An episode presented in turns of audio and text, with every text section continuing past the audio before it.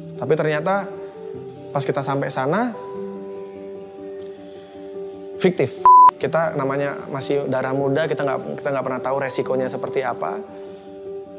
Eh, kita ya udah kita benar-benar itu itu adalah fase aku, aku terberat terberatku lah di situ.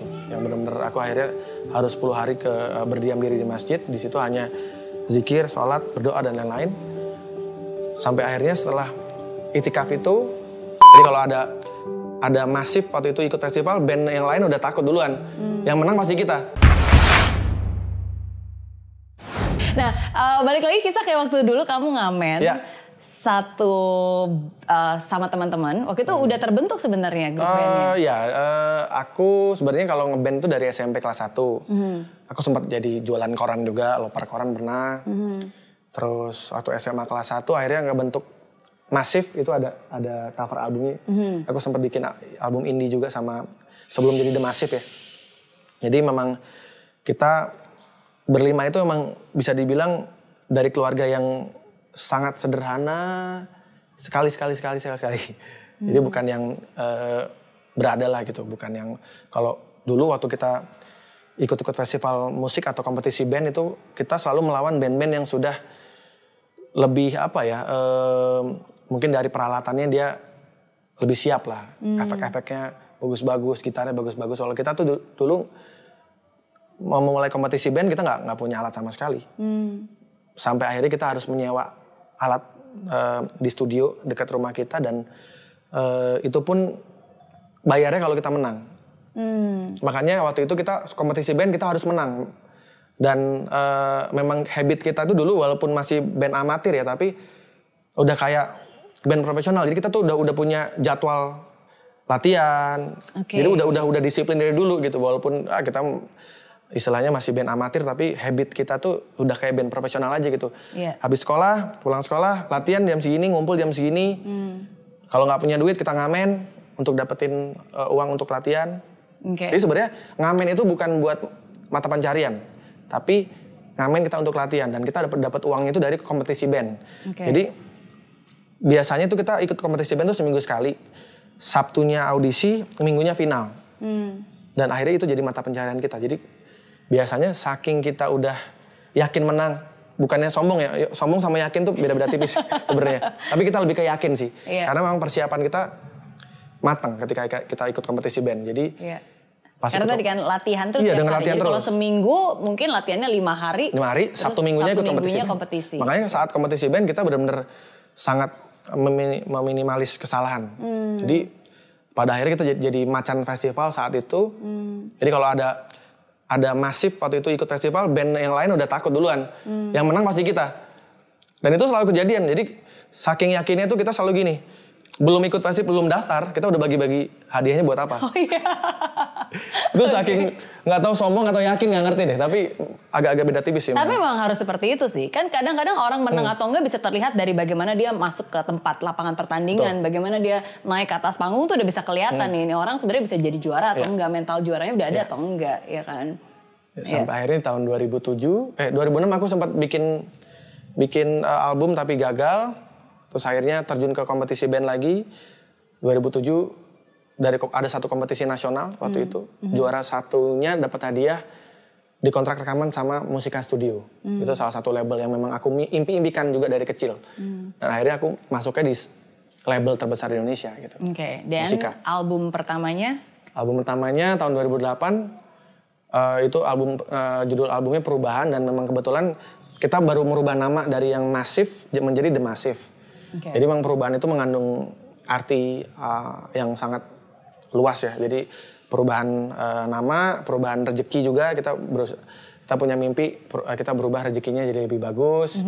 Terus ya berubah ke yang lebih baik lah. Makanya nama albumnya Perubahan. Oke, oke. Tapi kalau dari dari tadi ya dari sharingnya Hmm. Rian, em, berarti satu hal yang penting nih menurut saya yang yang lain pun juga harus bisa mengikuti bahwa ketika kita usaha itu bukan hanya usaha yang biasa-biasa saja ya. Ya. Jadi walaupun tadi Rian ngamen setiap Hmm. hari itu bukan hanya asal ngamen aja untuk mencari nafkah hidup, tapi Ya. sebenarnya ngamen itu dengan tujuan dan Betul. uangnya pun dipakai untuk tujuan. Tujuannya adalah untuk latihan Ya. supaya nanti bisa jadi rekaman dan akhirnya bisa jadi musisi. Ya. Jadi pada saat itu pun sebenarnya sudah diyakini bahwa akan sukses di dunia musik.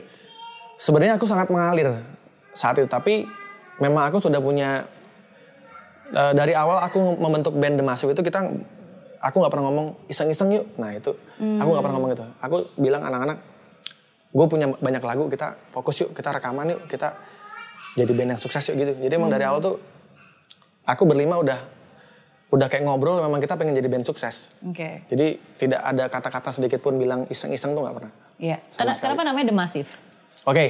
Jadi waktu itu tuh sebenarnya waktu SMP aku sempat punya band. Uh -huh. uh, akhirnya aku keluar dari band itu bersama adikku yang Kiki main gitar. Oh, Oke. Okay. Yang rambutnya keribu itu adik kandungku. Uh. -huh. Bersama dengan gitarisku satu lagi. Tadinya dia main keyboard. Ini lucu. Jadi pas uh, aku bilang mau keluar dari band itu, si gitarisku ini yang yang yang yang dulu masih main keyboard dia bilang mau bilang sama aku dia mau keluar juga dari band itu hmm. ternyata lebih dulu aku yang keluar hmm. dia ketawa karena wah baru gue mau ngomong mau cabut malah lu dulu yang cabut yeah. akhirnya yaudah kita bikin band yang, yang serius yuk gue pengen sukses nih dari dari gue yakin kalau kita bikin band dengan lagu-lagu yang gue bikin kita bisa sukses gitu hmm. akhirnya tepat di tanggal 3 Maret uh, aku bikin band uh, namanya waktu itu kita belum punya nama. Nah waktu itu akhirnya aku coba nanya ke salah satu orang yang kebetulan sempat ngasih ngasih kesempatan kita untuk manggung di acara ulang tahunnya. Itu dia hmm. dia salah satu uh, musisi juga, dia adiknya Tia, Tia Subiakto. Nam, oh, okay. Namanya Mas Dion Subiakto. Oke. Okay. Jadi waktu itu masih masih zaman SMS ya. Aku bilang, "Mas, aku mau bikin band baru nih. Kira-kira nama bandnya apa ya?" Nggak sampai lima menit nggak sampai lima menit dia langsung kirim uh, eh, SMS massive gimana? Terus artinya apa mas? Artinya berbobot sesuatu yang besar. Hmm. sip langsung. Jadi hari itu juga kita pakai nama massive.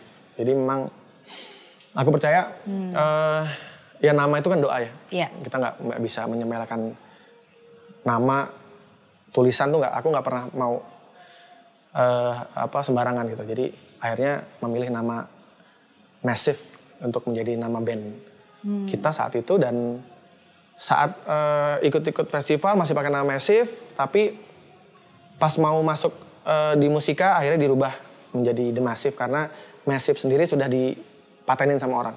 Gitu. Oke. Okay. Jadi okay. kita mau nggak mau harus harus mengganti nama tapi aku karena karena artinya bagus jadi aku nggak pengen merubah terlalu terlalu merubah banget ya akhirnya ditambahin D apostrophe M A S I V itu. Oke. Okay. Dan tadinya huruf kecil M-nya ya. huruf besar, sekarang jadi huruf besar semua. Ya itu, itu prosesnya ada tuh, nanti yes. aku ceritain. Oke, okay. nah um, oke okay, dan akhirnya berhasil langkah demi langkah, ya, ya kan. Uh, tapi setiap langkah yang kita dapatkan juga selalu pasti diimbangi dengan ujian-ujian juga, Banget. yang sebenarnya itu memperbesar hmm. wadah kita. Kalau kita mengerti ya, tapi ya. kalau orang nggak ngerti, kenapa sih di, kok susah terus hmm. gitu. Termasuk salah satunya juga um, pernah ditipu. Ya Benar. Harusnya manggung ke Surabaya. Benar. Itu gimana ceritanya? Iya, itu itu tahun 2006. Waktu itu uh, kita sebenarnya waktu itu sudah punya album rekaman, hmm. Massive namanya. Tapi ternyata punya album itu tidak tidak seperti yang kita bayangkan. Hmm. Kita kita ngebayangin tuh kalau kita bikin album langsung sukses gitu. Ternyata enggak.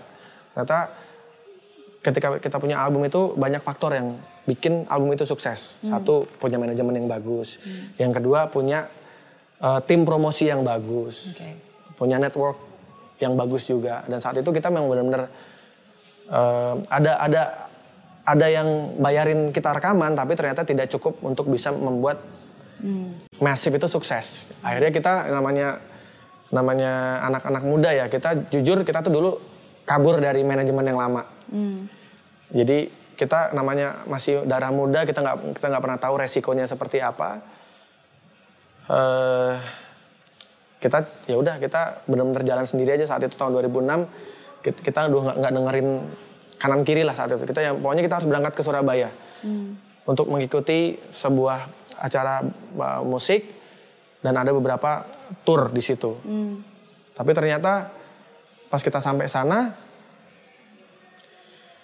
fiktif Hmm, yang asli, yang asli cuma yang yang yang terjadi konsernya atau yang terjadi acaranya cuma satu doang. Sisanya hmm. tuh fiktif. Jadi nggak jadi, nggak hmm. jadi atau benar-benar emang emang ya kita kayak dibohongin aja gitu kan. Hmm. Terus pas nyampe sana kita udah udah sampai sana juga akhirnya kita cuma main di satu acara itu pun nggak ada yang nonton yang nonton hanya rumput bergoyang beneran itu dan eh, waktu itu Nggak ada yang datang sama sekali. nggak ada penonton sama sekali. Oke. jadi aku menghibur penonton ya apa bisa dibilang gaib lah penontonnya. Iya iya, tapi tetap perform. tetap perform dan aku nyapa orang nyapa, nyapa si rumput.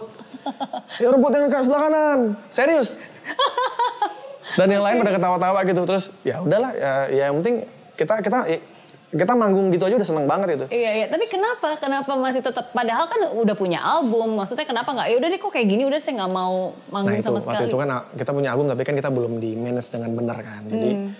ya masih hitungannya masih independen lah gitu ya Hmm. jadi ya buat kita eh kita masih da- masih muda saat itu dan belum mau dengerin omongan orang lain juga kan jadi Oke.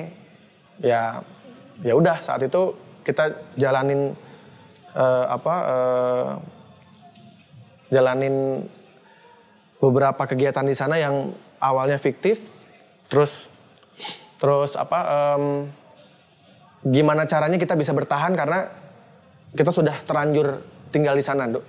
sudah ada di Surabaya gitu. jadi eh, waktu itu kita tidak punya banyak amunisi juga uang kita sudah hampir habis sampai ada satu momen kita mencari tempat tinggal. Waktu itu di Cadurasim Cadurasim itu kayak seperti taman budaya gitulah. Kalau di sini tuh kayak taman Ismail Marzuki kayak mes untuk para seniman. Em, waktu itu akhirnya kita eh, apa ya kayak nekat aja. Padahal kita nggak punya uang tapi kita coba untuk bisa tinggal di situ. Dan untungnya kita ketemu sama yang kepalanya di sana. Dan mereka dan ada namanya Pak Bambang Jazz namanya itu aku inget banget. Itu kayak ngasih tempat tinggal dia sih bilang ada rate-nya sebenarnya kita harus bayar tapi pada akhirnya kita kita kita jujur bahwa kita nggak punya uang nah untuk kita bertahan itu kita memanfaatkan uang-uang yang yang masih tersisa akhirnya kita beli nasi kucing nasi kucing kan dikit banget ya Iya. nah karena kita nggak punya uang akhirnya kita makan berlima Satu nasi kucing. Satu nasi kucing. berlima? Oke. jadi ya, ya paling satu dua suap itu hampir beberapa, beberapa hari. Terus eh, sampai pada akhirnya pas tahun baru 2006 ke 2007 kita manggung di acara di Cadurasim itu di acara si Taman Budaya itu. Eh acara tahun baru terus di situ pas perpindahan tahun tuh kita kayak berdoa. Terus kita berlima nangis bareng-bareng. Nangis bener-bener nangis. Kita bilang apakah ini eh, apakah musik memang jalan-jalan kita? Kalau memang benar tolong di kita berdoa bareng-bareng ya Tuhan mudahkanlah segala eh, rencana dan urusan-urusan kita. Karena kita waktu itu bisa dibilang kabur dari manajemen saat itu. Sampai pada akhirnya eh kita bertahan hidup di sana kita main di kafe-kafe di kafe-kafe di kayak klub malam gitulah jadi kalau ada home band yang main kan biasanya dia ada ada ada waktu istirahat 30 menit. Nah, itu kita yang main. Nah, itu ke- kenapa kita harus main karena kita mau bayarannya kita mau minta eh, dikasih makan. Jadi bayaran kita hanya hanya hanya makan malam aja gitu. Jadi jadi setiap hari itu siangnya makan nasi kucing, malamnya kita agak makan enak karena kan di di kafe ya. Ya udah sampai akhirnya eh udah dua, hampir dua minggu kita di sana luntang lantung bisa dibilang gitu tapi eh, kita berlima sudah sudah memantapkan hati bahwa ini musik adalah jalan hidup kita akhirnya kita pulang kita minta tolong ada ada ada ada teman yang menjual menjual eh, laptopnya untuk kita bisa pulang ke ke Jakarta. Jakarta. kita naik kereta ekonomi dan waktu itu itu juga kita nggak dapat tempat duduk jadi ya kita duduk di di jalan itu di jalan di antara orang duduk. Jadi pas tidur tuh aku eh, melin, apa malang gitu di apa melintang di di tengah-tengah Iya. orang lewat. Walkway gitu Ah, jalanannya. Ya. jadi ya aku dengar tuh kata-kata nasi ikan ayam. Ya itu biasalah kayak orang-orang jualan itu kan. Yang ibu-ibu jualan aku dilangkain nah itu aku udah ngerasain itu. Nah pulang dari situ sampai Jakarta aku itikaf. Itikaf tuh kayak berdiam diri di masjid di 10 hari. Di situ aku kayak uh, ya semuanya lah curhat lah sama sama Tuhan ya. Ya nangis lah semua. Intinya itu itu adalah fase aku, aku terberat terberatku hmm. lah di situ. Yang benar-benar aku akhirnya harus 10 hari ke uh, berdiam diri di masjid. Di situ hanya zikir sholat berdoa dan lain-lain. Sampai akhirnya setelah itikaf itu di bulan April kalau nggak salah April tahun 2017 ada sebuah festival tingkat nasional ada billboardnya gede banget. Hmm. terus kita daftar.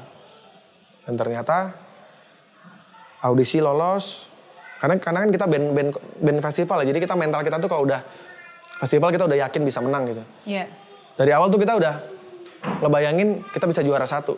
Karena hadiahnya kan juara satu kontrak album bersama Musika Studio juara dua dapat mobil eh sorry uh, yang kedua tuh hadiahnya mobil yang ketiga itu dapat uang 50 juta hmm. tapi mobil dan dan uang itu kita nggak nggak tengok karena emang mimpiku mimpi kita dulu rekaman. kita bisa rekaman di Musika Studio di iya. label yeah. yang memang sudah kita impikan karena kan di sana ada Krisye ada zaman itu masih ada Peter Pan hmm. ada Kahitna ada ada Iwan Fals tuh ada di label itu juga jadi kita pengen ada di, ada di label yang sama seperti hmm. musisi-musisi yang aku suka itu gitu Sampai akhirnya kita kita ikut uh, apa audisi, akhirnya lolos ke final regional, lolos ke final nasional.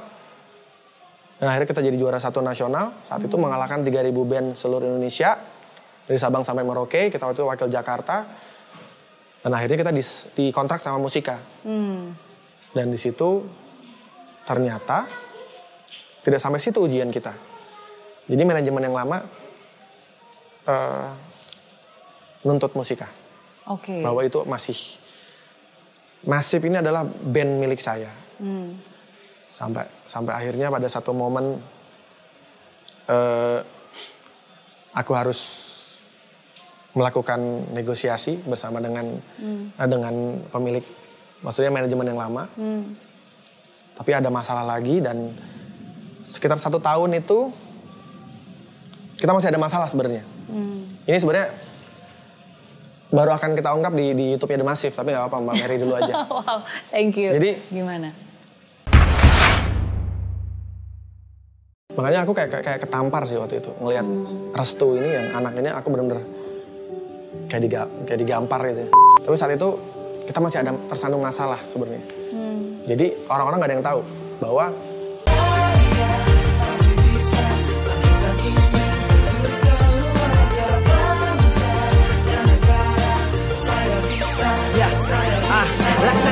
tanpa hujan Hidup tanpa tujuan. Kering dan mati tanpa hijaunya tumbuhan ah.